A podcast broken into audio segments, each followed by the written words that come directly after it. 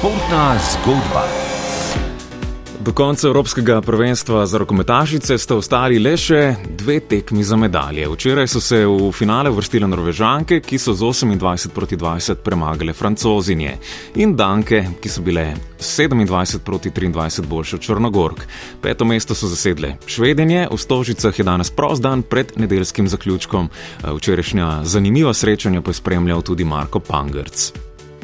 Rokometno Evropsko prvenstvo je tik pred zaključkom. Tri države gostiteljice, štiri mesta, ostale so še štiri reprezentance, ki bodo jutri igrale za medalje v Stožicah. Danska je po 18 letih znova v finalu Eura, Norveška, rekorderka z osmimi naslovi, ponovno. Danska je prvenstvo odprla s porazom proti Sloveniji, na to zbirala točke, se noči pa ustavila Črnogorke, ki so imele v polfinalnem dnevu najbolj bučno podporo s tribun, a tudi to ni bilo dovolj.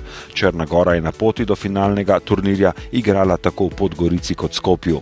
Skandinavski rokomet se je včeraj pokazal v svoji najboljši luči, do zmag so prišle vse tri reprezentance, tudi Švedska v tekmi za peto mesto proti Nizozemski, vse tri precej prepričljivo.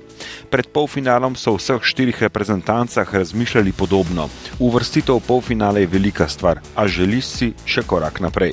Glede na pretekle velike turnirje, od iger v Tokiu pa Evropskega prvenstva na Danskem in svetovnega v Španiji, ni bilo velikih presenečenj, morda z izjemo Črne Gore, ki na novo medaljo na mednarodni sceni čaka sedaj že kar nekaj let.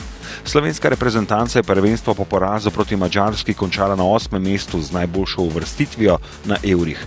Če smo po zadnji tekmi Slovenk znali razbrati precej mešanih čustev, veselja in žalosti, je bilo podobno tudi včeraj s francozinjami in črnogorkami, a s to razliko, da bodo imeli jutri še en popravni izpit za medaljo in to bronasto. V skupinskih delih tega prvenstva so bile slovenke edine zmago nad kasnejšimi polfinalistkami. Znotraj kroga Norveška, Danska, Francija in Črnagora so si namreč ravno te reprezentance v skupinskih delih oduzemale točke oziroma jih pridobivale.